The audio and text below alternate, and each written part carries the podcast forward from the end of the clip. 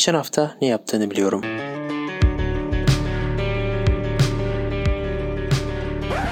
Emre Yasin Yılmaz, Mert Celil Özdin.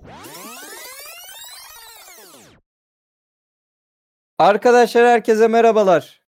Geçen hafta ne yaptığını biliyorumun yepyeni bölümüyle karşınızdayız. Yanımda Mert var yine her zamanki gibi veri analistimiz, veri uzmanımız Mert arkadaşım var. Yine bu haftaya çok actionlı bir şekilde başladık. Actionlı bir şekilde devam ettik. Bunları bu hafta konuşacağız. Ayrıca bu haftadan itibaren geçerli olan bir sürprizimiz de mevcut. Yani daha önce sürprizimizin olacağını söylemiştik. Artık bu gerçekleşiyor. Öncelikle Mert'e sözü vererek hoş geldin diyeyim. Sonra bu sürprizimiz hakkında biraz daha konuşup bültene başlarız. Mert'cim hoş geldin. Hoş bulduk Emre diyerek direkt topu tekrar sana atıyorum ki merak daha fazla büyümesin. evet arkadaşlar bu bültenimizden itibaren biz de artık Aposto ailesine katılmış bulunmaktayız. Yayınlarımızı metin halinde Aposto linkimizden de görebileceksiniz artık. Biz de artık Aposto'nun bir içerik üreticisi olduk. Ve mail Her şey- bültenimize kayıt olursanız haftalık olarak mail alacaksınız diye Evet. umuyoruz. Eee, podcastlerimizi bir metinle birlikte destekledik diyelim. Metinlerimizi de podcastle birlikte destekledik. Çok güzel bir başlangıç ve içeriklerimizin olduğunu düşünüyorum ben öncelikle. Daha da devamı gelecektir. Hepinizi mail bültenine davet ediyoruz. Yorumunuzu bekliyoruz. Evet yorumlarınız da bizim için çok önemli bu arada. Herkesi bekliyoruz. Mert'cim öncelikle yavaş yavaş bülten konusuna gelecek olursak geçen hafta ne yaptın? Geçen hafta yani pazartesi günü daha dün gibi ya. O kadar hızlı geçti ki. Sürekli böyle yeni bir şey çıkacak mı acaba diye beklerken haftayı bitirdik. Hı hı. Doğru söylüyorsun. Bayağı kalabalık bir gündem. Evet. Ee, ya şöyle geçen hafta yine bildiğimiz gibi garip şeyler de yaşadık. Türk gündemi yine boş durmadı. İyisiyle kötüsüyle bir hafta geçirdik. Mart ayının son tam haftasıydı. Yani gelecek haftanın yarısı artık Nisan'dan sonra olacak bu gidişe. Mert'cim istersen yavaş yavaş artık bültenimize giriş yapalım sana da uygunsa. Arkadaşlar geçen hafta ne yaptığını biliyorumun Tamam. 21-27 Mart 2021 arasını değerlendirdiği bülteni başlıyor.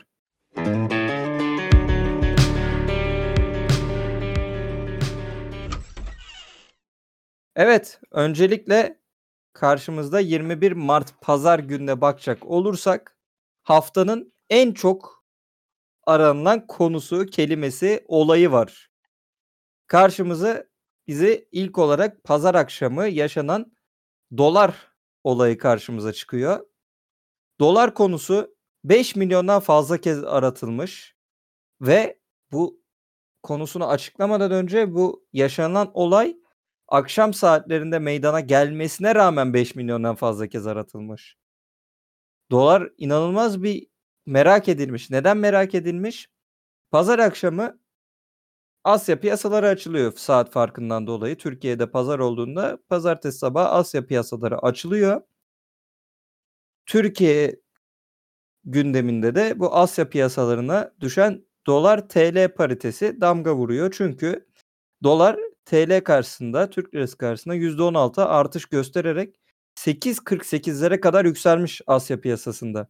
Bu tabii ben şeyde hatırlıyorum. Eee, Twitter'da takip ediyordum. Herkes panikti ve inanılmaz şeyler oluyordu. Neden böyle bir yükseliş oldu? Eee, hatırlarsanız önceki hafta cuma günü Cumhurbaşkanı Recep Tayyip Erdoğan bir kararıyla kendi inisiyatifiyle Merkez Bankası Başkanı'nı değiştirdi.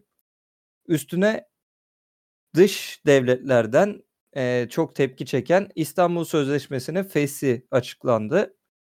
Ha, bu Amerika tarafından da bayağı bir tepki çekti. Özellikle dolardan konuşacağımız için. Pazartesi günü piyasalar açılsa da piyasa açıldığında dolar 8'in üstüne çıktı ve 8'in üstüne neredeyse sabitlendi. Ne diyorsun bu konuda?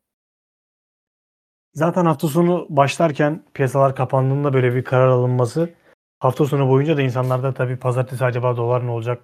Piyasalar açılınca ne olacak? Merakını doğurdu. Hı hı.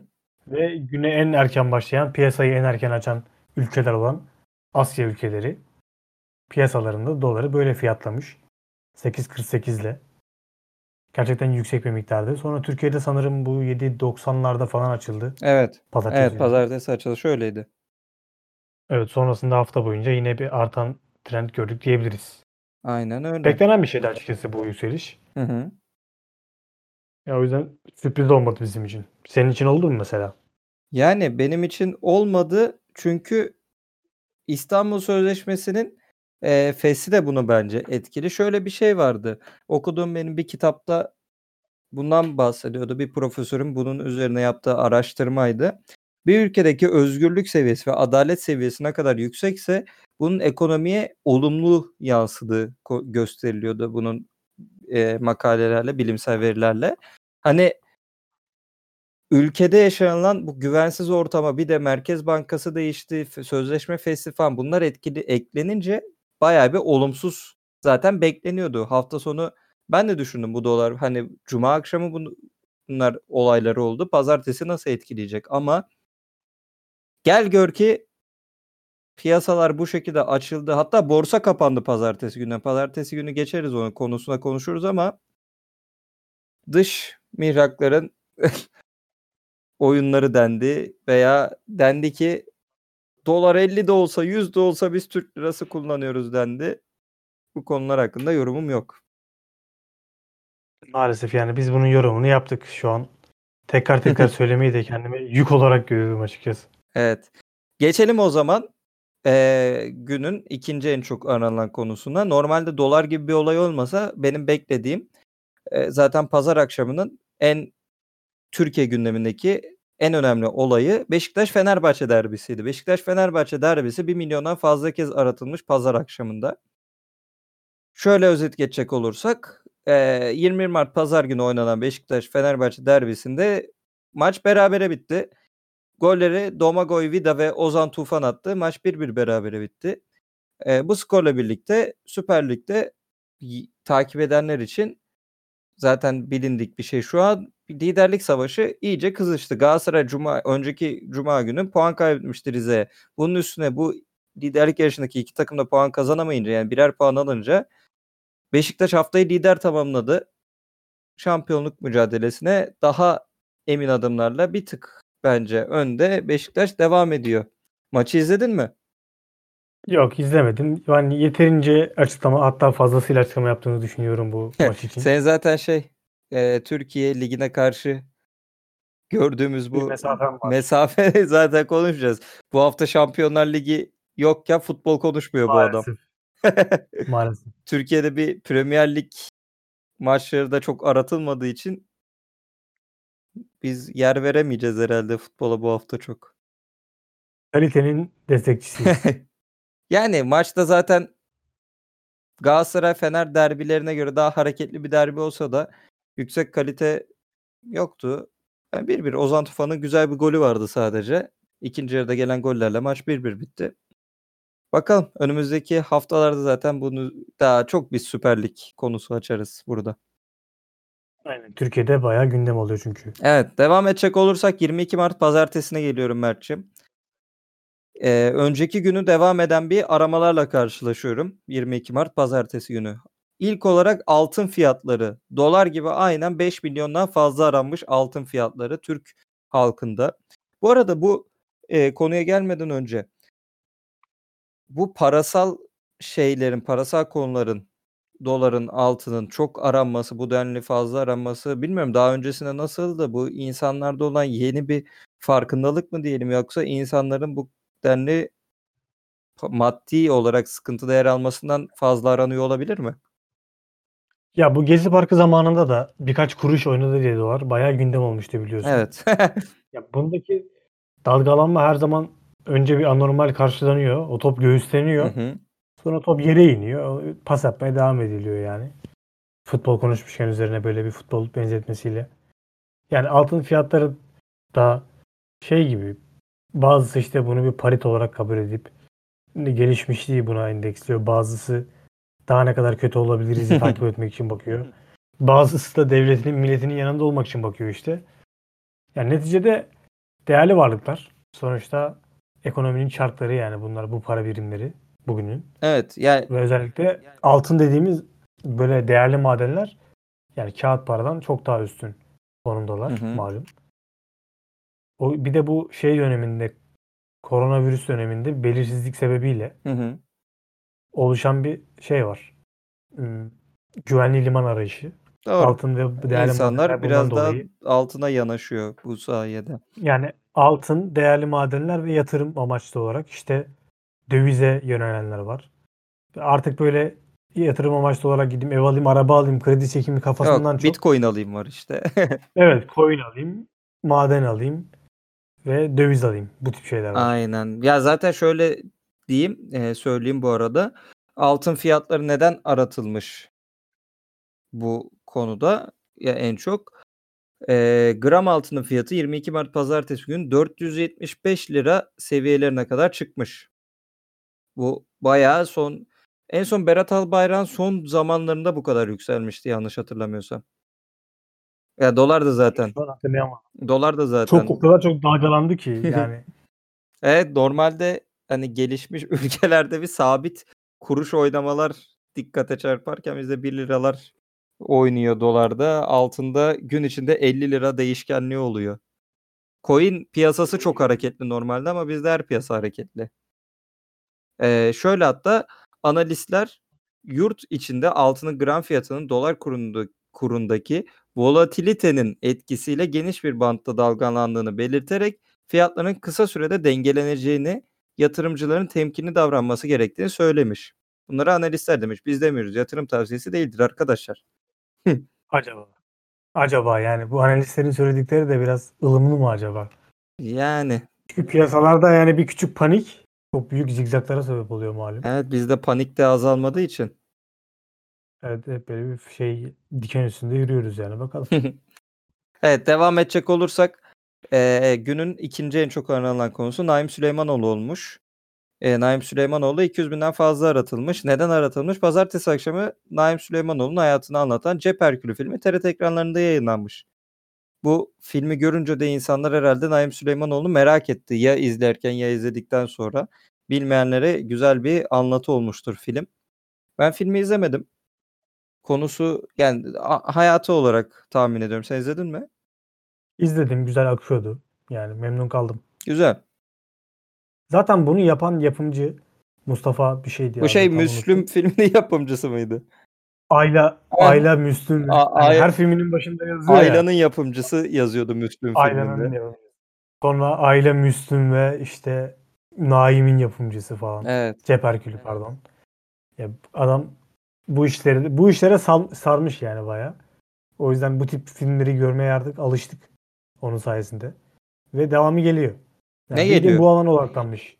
Devamı da işte mesela bu Dumlu Pınar Dumlu Pınar nasıl tarif edilir yani Dumlu Pınar olayı denizaltısının batması olayı var ya. Hı hı. Bu nasıl tarihe geçti acaba? Bunu düşünüyorum da doğru kelimeyi arıyorum şu an. Biraz politik doğruculuk oldu ama. Yani Dumlupınar olayını anlatan bir film. Onu mu çekiyormuş şimdi de? Evet. Üzerinde çalıştığı o vardı bir tane.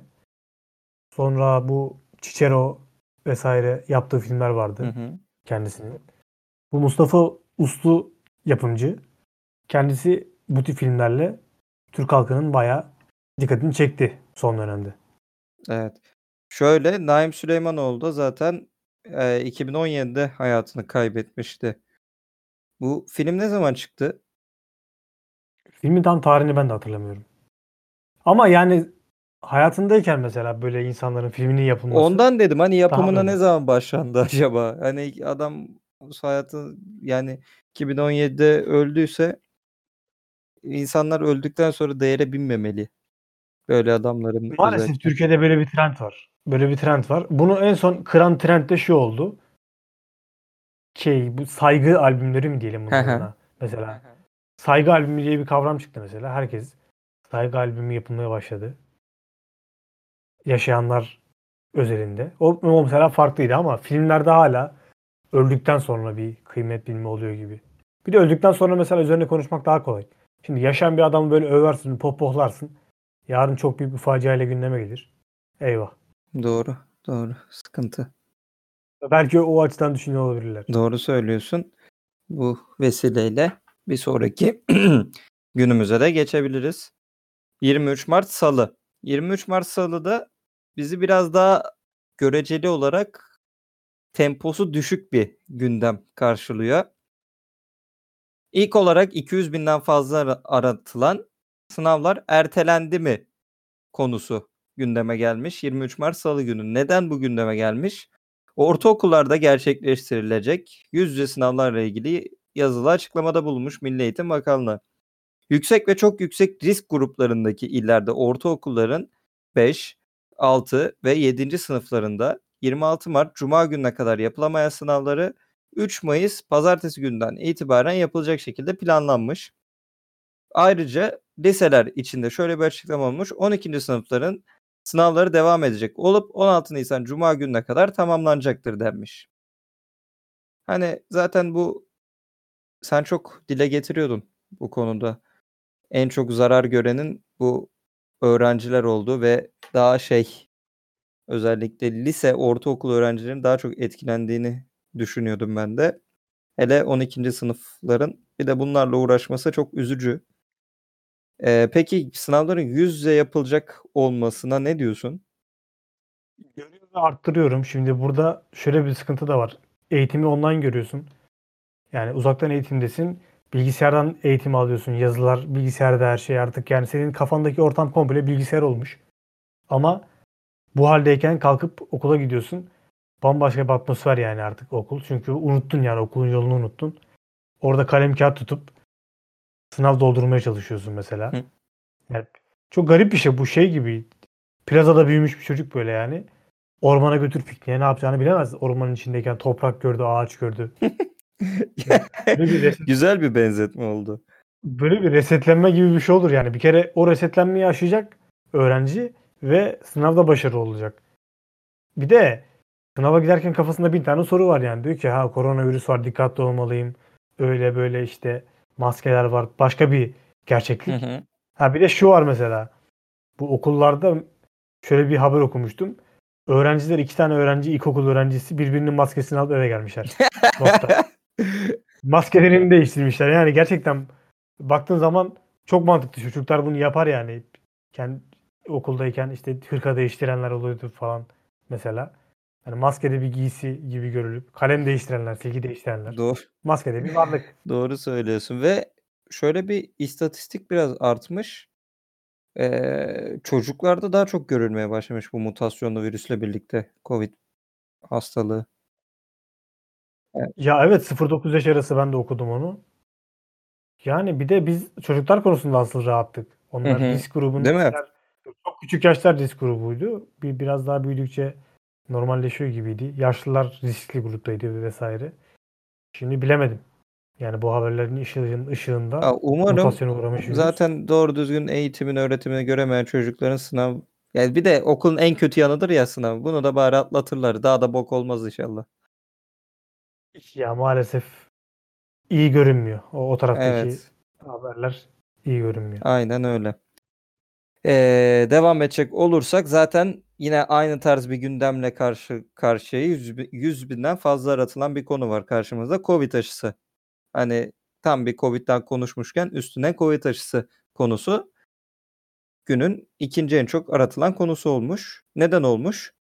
Avrupa dördüncü aşısına kavuşmuş bu arada.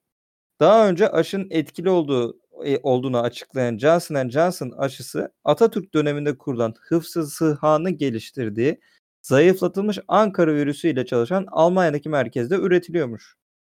mRNA aşıları gibi insan DNA'sına etkilemeyecek aşı tek dozda %90 koruma sağlıyor ve saklaması da kolaymış bu aşının.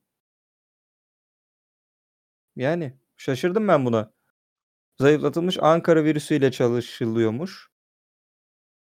Yani Literatürde böyle bir yeri olması çok güzel aslında. evet. Bizim bir sunduğumuz katkı. Özellikle Cumhuriyet döneminin başında sunduğumuz katkılar Hı hı. bilime muazzam.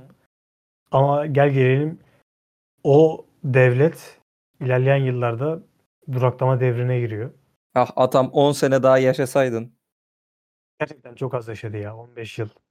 Değil mi? Yani bir bir 10-12 sene daha yaşasaydın zaten şey eee 80'lerin temelin atıldığı 50'ler 50'lerdeki olaylar hem 50'lerdeki olaylar olmayacaktı hem 80'ler olmayacaktı git bu gidişe göre. 15 sene daha Maalesef. yaşasa değil mi? Yani çok başka bir insanmış gerçekten. Gittikçe bu ortaya çıkıyor. Daha da belirgin ortaya çıkıyor. Hı hı. Ya şuraya baksana yani şu an onun öncülüğünde kurulan bir kurumun 2021'de etkisine katkısı bak. evet bambaşka bir olaya katkısı var. Evet. Gel gelelim Mısır'a da gayet etkisi kırılmaya çalışılan bir kurum. Günümüz Türkiye Cumhuriyeti'nde. Ben bilmiyorum o kadar ayrıntısını. Ya bu hani kurumların özelleştirilmesi kapsamında Hı hı. bazı işte atılan adımlar var. Evet. Ve bunlardan bir tanesi de işte ya biraz tabii bunun arkasında şey görüşü de olabilir. Ee, dıştan gelen ilaç şirketlerinin baskısı vesaire. Olabilir doğru söylüyorsun o konuda. O yüzden zaten belki bilmiyorum etkileniyor Ya olabilir. bunun bir tane gündemi de olmuştu hatta. Hıfzı Sığa'nın aslında şu an işler yapısında olması durumunda Hıfzı Sığa kur şeyinin yani kurul ayrı bu arada Hıfzı Sığa kurulu. Ama bu bas, haberde bahsi geçen e, çalışmaları yapan kurum işte onun eski gücünde olsa aslında bu döneme ne kadar katkı sağlayabileceği konuşulmuştu bir Hı ara hı. siyaset gündeminde. Maalesef geçti gitti. Yani geçen giden şeylerden bir tanesi daha. Haklısın. Geçecek olursak 24 Mart çarşambaya geçelim. 24 Mart çarşambada yine bizi bir futbol gündemi karşılıyor. Çünkü ciddi bir olay oldu. Milli takım düzeyinde 1 milyondan fazla aratılan Türkiye-Hollanda maçı gündemde ilk sırada. Neden ilk sırada? Ee, bildiğiniz gibi Katar Dünya Kupası'na 2022 Katar Dünya Kupası'na gitmek için elemeler bu maçla birlikte başladı. Hatta o Avrupa'da oynanılan ilk maç Türkiye-Hollanda maçıydı saat farkı nedeniyle. Türkiye'de oynandı ve Türkiye Hollanda'yı 4-2 mağlup etti. Burak Yılmaz 3 gol atarak hat-trick yaptı ve bir golü de Hakan Çalhanoğlu attı. Yani Türkiye ilk defa Hollanda ile oynarken 4 gol atmış bu arada. Sonrasında da hani Türkiye Dünya Kupası elemelerine galibiyetle başladı. Bunun üstüne zaten Norveç'i de yenip şu an 6 puanda Türkiye. Maçı izledin mi sen? İzlemedim maçı da ve haberim de yoktu açıkçası. Allah Allah. Sonrasında evet bir gün sonra haberim oldu maçtan ve Hı gollerden. hı. Ondan sonra bir özete bakma imkanım oldu. Yani tabii FIFA Dünya Kupası elemeleri önemli. Türkiye milli takımı için. Böyle gündemden bunalan insanlar için bir nefes gibi bir şey aslında. Yani insanlar bununla kendini gerçekleyen insanlar da var. Sonuçta buna kendini bağlı. Bunun mutluluğuyla yatağa girenler falan. Var yani. Ya şöyle o açıdan baktığımız zaman. Bu arada ben ilk defa Türkiye'yi bu kadar emin adımlarla yere sağlam basarken izledim. Hmm, Ya evet bir genç jenerasyon söylemi var Türkiye için. İyi giden bir milli takım olduğu söylemi var Şenol Güneş önderliğinde. Hı hı. Zaten biliyorsun Şenol Güneş'in milli takımdaki başarılarıyla meşhur kendisi. Ve hatta Hı hı. eee, Avrupa Kupası'na da sanırım katılacağız. Yani Evet bu geçen zaten Euro olan. 2021 olarak geçen Euro 2020'ye katılacağız. Evet. Ya bu büyük başarı. Ona katılmışsın. Şu anda da grupta emin adımlarla yürüyorsun. Zaten kendisinin de bir demeci var bununla alakalı. Hı hı. Ben Dünya Kupası'ndan sonra artık bir de Avrupa Şampiyonası'nda bir başarı elde edip ya bu işi zirvede bırakmak istiyorum. Te- Teknik olarak yönetim kısmında. Artık ondan sonra başkanlık mı yapar, başka görevlere mi girer bilemem. Veya emekliliğe ayrılabilir. Anladım. Şu anda da emin adımlarla gidiyor. Yani o işler bu kadar kolay olmaz bırakması. istemezler de. Hani bir de Türkiye Dünya Kupası'na katılırsa falan. O görürsen Curcunayı. Evet, yine kıyafetiyle konuşulmasın da hocamız. Evet ayıp. Ayıp. Türkiye sırada Letonya ile oynayacak 3. maçı. Letonya'da Türkiye'nin Türkiye'yi kaç 2000 2004 Avrupa Kupası'na gitmesine engel olan takım zaten ülke. Devam ediyorum. Letonya. Evet. Evet. Ya şu an haritadaki yerini düşündüm bulamadım. Devam ediyorum. Muhsin, Muhsin Yazıcıoğlu. Günün ikinci en çok aranan konusu 200 binden fazla aratılmış. Neden aratılmış? Kahramanmaraş'ta 12 yıl önce helikopterin düşmesi sonucu hayatını kaybeden BBP'nin kurucu genel başkanı Muhsin Yazıcıoğlu ve beraberindeki 5 kişi ölüm yıl dönümünde anılmış. Yani 25 Mart'ta anılıyormuş bu arada. 25 Mart ölüm yıl dönümü. Ee, 25 Mart 2009 günü partisinin Yozgat mitingine giderken uç, e, helikopteri düşüyor. Sevenleri giderek anmış. Gidemeyenler de zaten sosyal medya aracılığıyla üzüntülerini dile getirmişler. Bir yorumun var mı? Ya bu konu hala karanlık, hala aydınlatılamamış bir Evet. bir Olay gibi. çözülemeyen ölüm vakası var değil mi? evet, bir gizemli ölüm Evet ve ve yani ya ve şöyle bir durum var. O zamanki ben anketleri falan bilmiyorum nasıl bir yaklaşım vardı insanlarda ama ya şunu çok duydum yani. İşte Muhsin Yazıcıoğlu çok geleceği parlak bir siyasetçiydi. Muhafazakar kanatta iyi temsil eden alternatif bir siyasetçi olduğu için işte önü kesilmek istendi. E yani önü, önü kesilmek istenirse bunu kim yaptı o zaman yani? Mert'cim, Ya bunu, bunu da açıklayın. Mert'cim Şimdi bizi içeri aldıracaksın yine. ya bu bunu bu soruyu emin ol çok sorun olmuştur da yani 2009 yılı. Ben hatırlıyorum haberlerde bu olayları. Muhsin Yazıcıoğlu'nun varlığından haberdar değildim açıkçası o zamanlar. Zaten yaşımız da ufak. Hı hı.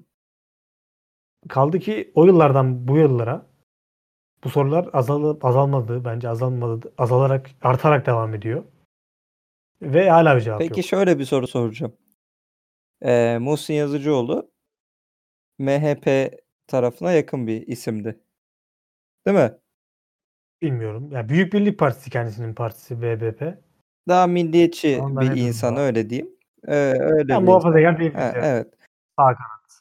Bu yakın olduğu tarafın neyse bunu daha üstüne konuşmayacağım ya. Kötü yerlere gidiyor. Hadi geçelim. Yok.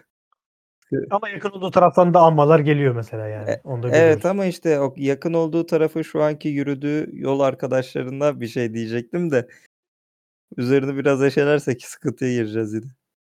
Ya ona girersen zaten Muhsin Yazıcıoğlu'ndan sonra iktidar partisinin yani Muhsin Yazıcıoğlu ölümünden sonraki çizdiği yolu konuşmak apayrı bir Evet. Uzun uzun bir podcast olur yani. Evet doğru söylüyorsun. Geçiyorum. 25 Mart Perşembe'deyiz. 25 Mart Perşembe günü Açık Öğretim Lisesi aratılmış en çok. 500 binden fazla aratılmış. Öncelikle konu başlığına bakacak olursak 500 binden fazla aratılması rakamsal olarak bana çok değişik geldi. Hani çok konu var. 500 binden fazla aratılan yani bu haftanın en çok aratılan ikinci, üçüncü konusu falan yani böyle büyük derbileri, doları, altını saymazsan en çok bu aratılmış. Hani bu çarpıcı bir şey değilken. Ee, öyle söyleyeyim. Neden aratılmış açık öğretim lisesi? Ee, sınavların bir açıklamasını yapmış Milli Eğitim Bakanlığı. 25 Mart'ta başlamış bu sınava. Lise eğitimini açık öğretim sistemi üzerinden sürdüren öğrenciler 2021 Açık Öğretim Lisesi ikinci dönem sınavlarının nasıl yapılacağını merak ederek bu aramaları gerçekleştirmiş. Milli Eğitim Bakanlığı da bu sınavların uzaktan online yapılacağını açıklamış. Ne diyorsun? Sence de fazla değil mi ya? Ya bana mı fazla geldi ya da 500 bin olması bu kadar göz önünde bir konu değilken? Öğrencisi varmış açık öğretim lisesinin. Hani Açık öğretim üniversitesinin zaten çok büyük miktarda öğrencisi Evet olduğunu biliyoruz. lisesinin de gayet fazla varmış. Lisesinde talepkarı çokmuş evet. Yani bu açık öğretim lisesi sanırım bu akşam lisesi denilen kurumla aynı kurum. Hı hı, olabilir. Sadece resmiyetteki adları. Öyle bir şey de vardı akşam lisesi diye. Evet. ak- Hatta akşam oluyordu işte- değil mi? Dersleri. Yani işten çıkanların gelmesi adına düzenlenmiş gibi. Hı hı. Akşam lisesi. Yani evet bayağı öğrencisi olduğunu bu vesileyle öğrenmiş olduk. Evet. Buradan da tekrar dile getireyim. Sınavlar online'mış. Ve Perşembe günün en çok aratılan konusu Emre Belezoğlu olmuş. ikinci en çok aratılan konusu. 50 binden fazla aratılmış. Mesela bu konu 50 binden fazla olması çok düşük bir rakam bence bu konuya göre. Neden? Çünkü böyle bir arama olmuş. Perşembe günü Fenerbahçe yönetimi Erol Bulut'la yollarını ayırdı. Karşılıklı anlaşıla, anlaşmışlar bu kararda. Öyle bir açıklama var çünkü. Erol Bulut gitti ve Fenerbahçe'nin sportif direktörü olan Emre Belözoğlu takımın teknik direktörlüğüne getirildi. Bir önceki podcast'imizde bunun biz aslında sinyalini Ya biz de ben dedim mi burada Emre Belezoğlu Ya bu Erol tarihte Bulut'un- olacak diye. Ben çünkü bir e, yazmışım. Twitter'da da paylaştım. WhatsApp'ta yazdığımı. E, demişim ki Emre Belezoğlu en geç Mart'ta teknik direktör olur demişim. Aykut Kocaman'ın sportif direktör olup da Davum'un teknik direktör olduğu bir dönem, dönem var. Hı hı. O dönemde de mesela Davum görevden işte uzaklaştırılıyor yani. Ayrılıyor yollar ve sportif direktör olan Aykut Kocaman göreve geliyordu. Tarih yine tekerrür etmiş gibi burada. Emre Belezoğlu var olan teknik direktörün yerini dolduran sportif direktör olarak Fenerbahçe içinde yine yer buldu. Yani zaten uzun zamandır insanlar bunun olacağını düşünüyordu ve sinyalleri de veriliyordu bence de. Ya ben Fenerli olsam çok üzülürdüm bu karara. Fenerbahçe'nin hala şampiyonluk umudu bile varken böyle bir değişiklik tamamen bunu bitiren bir durum olabilir. Çünkü Galatasaray biraz eee, istikrarsız gittiği için iki şampiyon olamasa bile Fener seneye Şampiyonlar Ligi şansıyla çıkabilirdi. Ya çok enteresan kararlar. Geldi geleli Ali Koç kaçıncı çalıştığı teknik direktör olduğunu ben sayamadım. Evet. Dolu. Ne kadar var oğlum? Siz benim aklımdaki Fenerbahçe düşüncesini anlamamışsınız arkadaşlardan. Bir de Ali Koç Ersun her sene teknik direktör değiştirilerek bir yere gelinmeyeceğini düşünüyordu. Böyle bir açıklaması vardı. Yani sistem galiba yutmuş onu. Eleştirdiği sistem onu yutmuş gibi. Evet. Hani bilmiyorum. Ben gitmesine üzüldüm ya Erol Bulut'un. Ama Erol Bulut gidince Emre Belezoğlu'nun gelmesi üzüntü seviyemi biraz dengeledi de çünkü Emre Belezoğlu'na bir şey olacağını düşünmüyorum ya. Teknik direktörlük konusunda. Hani mesela şimdi sen takımda bir futbolcusun yabancı Sosa örneğini vereyim. Sosa futbolcu. Ne bu yani çocuk oyuncağı mı der? Bu adam nerede, neden teknik direktör? Ne biliyor da teknik direktör yaptınız benim başıma? Benden iki yaş büyükler.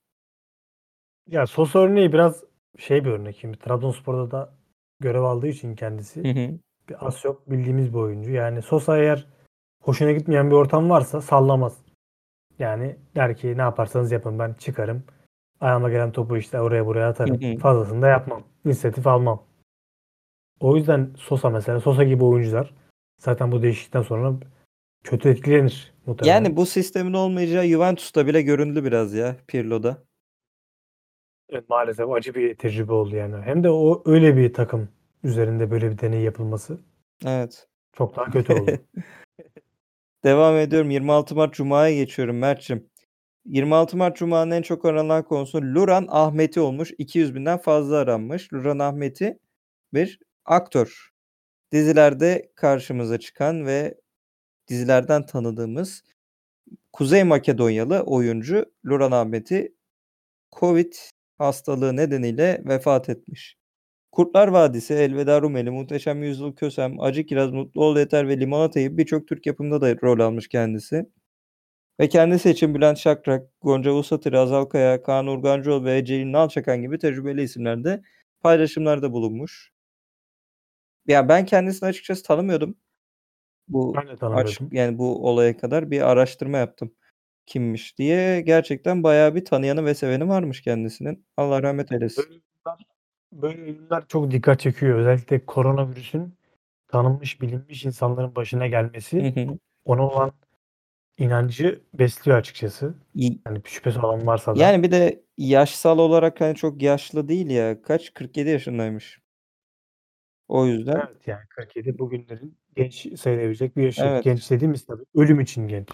aynen çarpıcı duruyor biraz o yüzden. Ee, devam edecek olursak bu haftanın bence en dikkat çeken olayıyla karşı karşıyayız. Per, e, Cuma gününün en çok aranan konusu. Yani Lüran Ahmet ile aynı düzeyde aranmış ama ben bunu ikinci olarak daha uzun konuşuruz diye bir yer vereyim dedim. 200 binden fazla O gün aranan. için, Efendim? o gün için. Ha, evet. Evet. O gün için daha çok Yoksa aranmış. devam etti. Zaten bugün bunu çektiğimizde bile hala aratılıyor eminim. Kürşat Ayvatoğlu. 200 binden fazla aranmış. Kim bu Kürşat Ayvatoğlu diyecek olursanız AKP İzmir Milletvekili Hamza'dan özel kalem özel kalemiymiş Kürşat Ayvatoğlu. Rastlayanlarınız görmüştür. Biz sizle paylaşamıyoruz. Zaten paylaşabilsek de paylaşmayız büyük ihtimal. arabanın içine uyuşturucu kullandığı bir video var. Bu arkadaşın. Bu arkadaş bunu bu video sosyal medyaya düştükten sonra gelen tepkilerden dolayı gözaltına alındı. Ve eee, bu Hamza Dağ'ın milletvekili Hamza Dağ'ın bir açıklamasında bu kişinin özel kalem değil büro personeli olduğu söylendi. Yani pek inanılmadı. Zaten büro personeli olsa da nasıl bir para kazanıyorsa aldığı araba, yaptığı sonra sosyal medyaya düşen diğer fotoğraflarıyla yaşadığı hayat biraz çarpıcı geldi. Bu böyleyse bunun patronu nasıldır dedirtti insanlara. Milletin parasıyla neler yapılıyormuş dedirtildi. Sonra gözaltına alındıktan sonra bu kişi eee, kullandığı şeyin uyuşturucu olarak gördüğümüz şeyin pudra şekeri olduğunu iddia ederek salındı. Sonra herhalde arabada ve kendisinde yapılan testlere dayanılarak bunun uyuşturucu olduğu öğrenilerek geri gözaltına alınmış. Garip şey gibi değil mi? Fıkra gibi şu an. Acı bir fıkra aslında. Yani burada bir kere şundan başlayalım. Burada olay bu kişinin uyuşturucu kullanması değil. Evet. Bu kişinin siyasi bir konumda olup sonra bu kişiyle alakalı daha önceki bilgiler de ortaya çıkınca birdenbire bir sıçrama yapmış olması ve bu sıçramayı nasıl kimlerin yardımıyla yapmış olması. Hı hı. Geldiği konumun im- e, görünen imkanlarının, fotoğraflarının ve işte yaşam tarzının diyelim. Zaten onu diyorum. Nasıl bu şey, kadar hızlı şekilde değişti. bir Yani insanlar ama şey oldu bu haber çıktıktan sonra daha o pudra şekeri yalanını söylemeden önce zaten kendi partisi tarafından da işte uyuşturucu ile mücadele bizim işte şeyimizdir. Uyuşturucu batağındaki kardeşlerimize yardım etmeliyiz minvalinde. Onu tamamen uyuşturucu tarafında yıkılmaya çalışıldı. Açık bir şekilde. Bu ortam içerisinde bile gidip kendisi pudra şekeriydi ve biz arkadaşlarla şaka olsun diye yaptığı yapıyorduk bunu gibi bir konuşma yaptı. Bunun üzerine bu konuşmasına rağmen Süleyman Soylu İçişleri Bakanı Sözcü gazetesine bir demeç verdi. Yine uyuşturucudan bahsetti orada. Yani hala pudra şekeri yok. hı hı. Sonrasında tekrar göz, gözaltına alındı. Ve şey var. Pudra şekeri olayı birdenbire ortadan kaybolmak üzere şimdi. Zaten şu Şu an dakikalar- ikinci perde Ha, başlayacak. evet. Evet ikinci perde şu. Kendisinin bir açıklaması var. Onu söyleyecektim tam ben de. İkinci perdede de o görmüş olduklarımızın tamamının simülasyon olduğu, aslında gerçek olmadığı ve işte komisyon karşılığı iş yaptığı, şatafatlı bir göstermeye çalıştığı gibi bir senaryo var karşımızda. Şimdi yani bu olay o kadar çetrefilli ki bir kere ya insanlar tahmin ediyor açıkçası. Bir şeyler, bir hak yeniyor, bir adaletsizlik var, bir yolsuzluk, bir rüşvet, bir ağ, böyle bir ağ var, kirli bir ağ var. Bunu biliyoruz. Hı hı. Daha önce ortaya çıkınca da bu çok üzerine konuşuldu ve şuna varıldı. Çalıyor ama çalışıyor.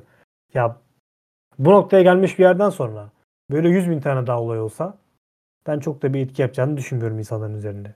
Yani bir de biraz şeylerin anlayamadığı konusu hani büro personeli açıklaması yapılıyor ya. Zaten insanlar bu hı. paranın bir özel kaleme nasıl bu kadar geldi? Yani bu arabaları nasıl bindiğini sorguluyor. Ya büro personeli ise daha kötü değil mi? Bir büro personeli nasıl bu kadar ara- araçlara biniyor? Ya büro personeli düşünün bir tane ki basın toplantısında telefonunu bu kişiye emanet ediyor. Yani Hı. bu kişi bildiğin ikinci sağ kolu gibi. Yani özel kalemden beklediğimiz performanslar aslında orada. Bir küçük bir video kesiti var orada gördüklerimiz. Ya dediğim gibi burada asıl mevzu bu insanın nasıl bir hayat yaşayıp da neler yapıp da bu noktalara gelmiş olduğu. Şimdi ikinci perdesinde başka şeyler konuşulacak. Hadi bunu geçtim. Bugün daha pazar günü yine bağımsız milletvekili Ahmet Şık'ın bir tane şeyi tweet'i geldi sosyal medyaya. Hı hı. Nedir? O da yine bir AK Parti tarafından bir milletvekilinin danışmanı kişi balya balya avrolarla görüntüleniyor. Bir videosu var. Oo, süper. Ya ama dediğim gibi bunların çok da bir etkisi olacağını ben düşünmüyorum. Yani insanlar yine bunu farklı senaryolar altında sunacaklar ve bu sunduklarının da müşterisi çıkacak. Ha tabii şu anda içinde bulunduğumuz ekonomik şartları göz önüne alırsak mesela bu 17-25 Aralık ortaya çıktığındaki ekonomik şartlara bakalım. Bugünden daha iyiydi. O yüzden mesela insanlar dedi ki benim ekmeğime bir zarar gelmiyor yani. Çalıyorlar ama çalışıyorlar. İstedikleri gibi yapsınlar. Ama şu an biraz yumurta kapıya dayanmış gibi. O yüzden buna bir hassasiyet gelirse oradan gelir. Yoksa yine dediğim gibi derler ki yani çaldı ama ne oldu? Çalıştı. Devam edelim o halde. 27 Mart Cumartesi'ye geçiyorum. 27 Mart Cumartesi'nin en çok aranan konusu Berat Kandili olmuş. Berat Kandili 1 milyondan fazla aranmış. E, Ramazan'ı müjdeleyen Berat Kandili 27 Mart Cumartesi günü tüm Müslüman alemi tarafından ihya edilmiş. En çok yine bugünlerde gördüğümüz kandil mesajları, kutlama mesajları aranmış internette, Google'da. Biz çok düşünmüyoruz ama aramaya devam ediliyor. Atanlar çok var demek ki. Kandil de geçti artık sıra Ramazan'da. Herkesin kutlu olsun. Ne diyeyim? Sen ne diyorsun? Şimdi bu Berat Kandili, Berat Kandili ve Berat Kandili arasında sıkışmış bir kelime. Berat. Aa şey değil Berat mi bu? Ramazan yani. bayramı mı, şeker bayramı mı? Ha, bunun gibi yine. Kandiller işte yani son dönemde yoğun olarak gündeme gelen konulardan Evet bir 3 tanesi. aylarda. Futbol kadar. Ya Survivor'dan daha çok en azından. Ya da bir Survivor hala Survivor göremiyoruz hala. Ben anlamıyorum ya. Acun. Ne oluyor? Survivor olmayan gündemimizin içerisinde bol bol futbol var ve hemen hemen her haftada kandil gündemi var. Son 4, 4 yayınımıza baktığımız zaman. Doğru söylüyorsun. Ya kandil olarak değerlendirilip bir de 3 ayların başlangıcı kısmı da yine kandil olarak değerlendirilip arandı. 3 ayların başlangıcı kutlu olsun gibi. Hı hı. Onun bir ismi yok. Henüz ismi koyulmamış. Ama onu müjdeleyen bir tane kandil olması lazım. Ya böyle değişik dini günler var. Onlardan bir tanesi de Berat Kandili yine cumartesi gününde kutlandı. Aynen. Yani eski nerede kaldı eski kandiller bile diyebiliyoruz şu anda yani. Eskiden kandil dediğin akşam eve gelindiğinde akşam işe gidiliyordu mesela. İşe, işten eve geliniyordu. Eve gelirken de fırına uğranıp kandil simidi Evet, alınıyordu tam onu mesela. diyecektim. Akşam da kandil simidi Şu an- yerdim. Şu an yok öyle bir şey. Yani eve dönmüyor ki insanların çoğu. Evden çalışıyorlar. Bu yüzden fırına gitmeye zaten korkuyorlar. Temas ederiz aman sim- işte kandil simidini alacağız da onu paketleyecekler eve götüreceğiz. Para vereceğiz.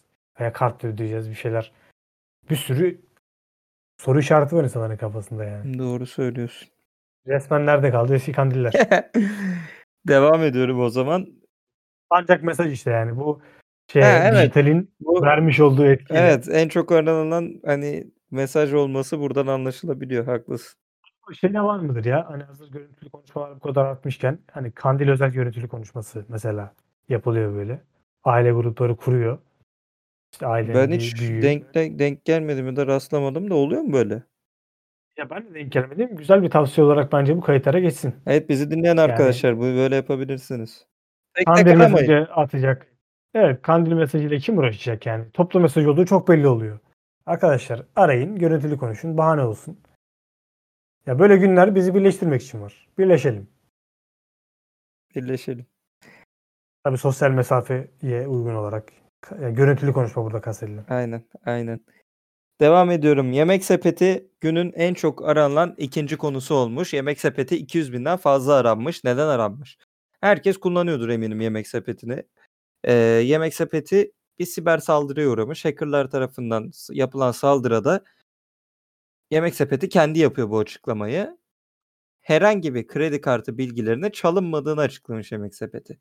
Fakat ad, soyad, doğum tarihi, yemek sepetine kayıtlı telefon numaraları, yemek sepetine katıldığı e-posta adresleri, yemek sepetine katıldığı adres bilgileri açık olarak görülemeyen SHA 256 algoritmasıyla maskelenmiş giriş şifrelerinin korsanlar tarafından erişildiğini açıklamış yemek sepeti. Öncelikle hani burada ben görsem ilk şu soruyu sorarım. SHA 256 algoritmasıyla maskelenmiş şifreler nedir? Sen biliyor musun Mert'ciğim? SHA 256. Şimdi SHA ne yapıyor? Senin yapmış olduğun girdiğin şifreyi bu 256 bunun kuvvetini belirliyor diyelim. Hı hı. 256 Buna kere göre zorlaştırılmış mi?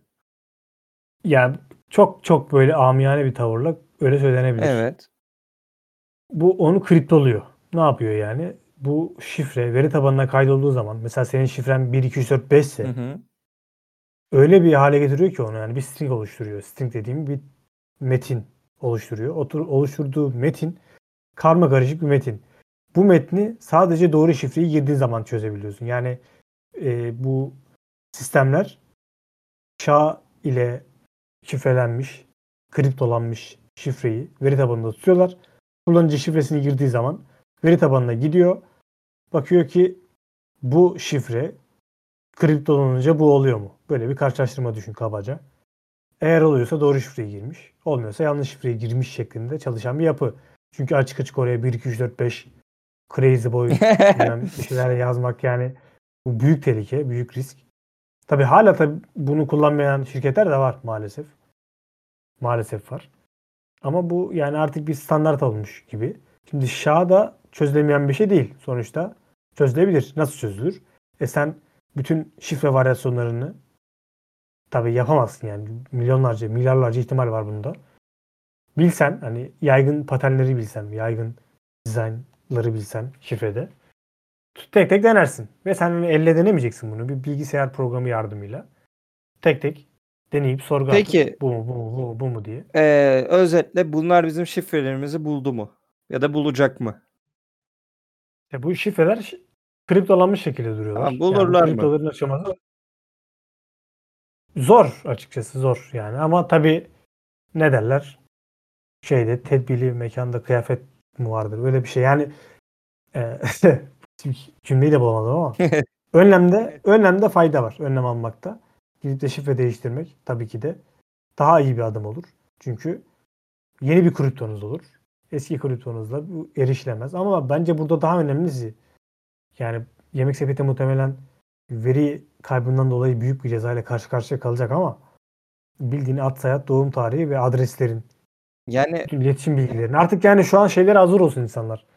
Yeni sigorta şirketlerinin mesajlarına yani değil mi satacaklar onu çünkü hackerlar.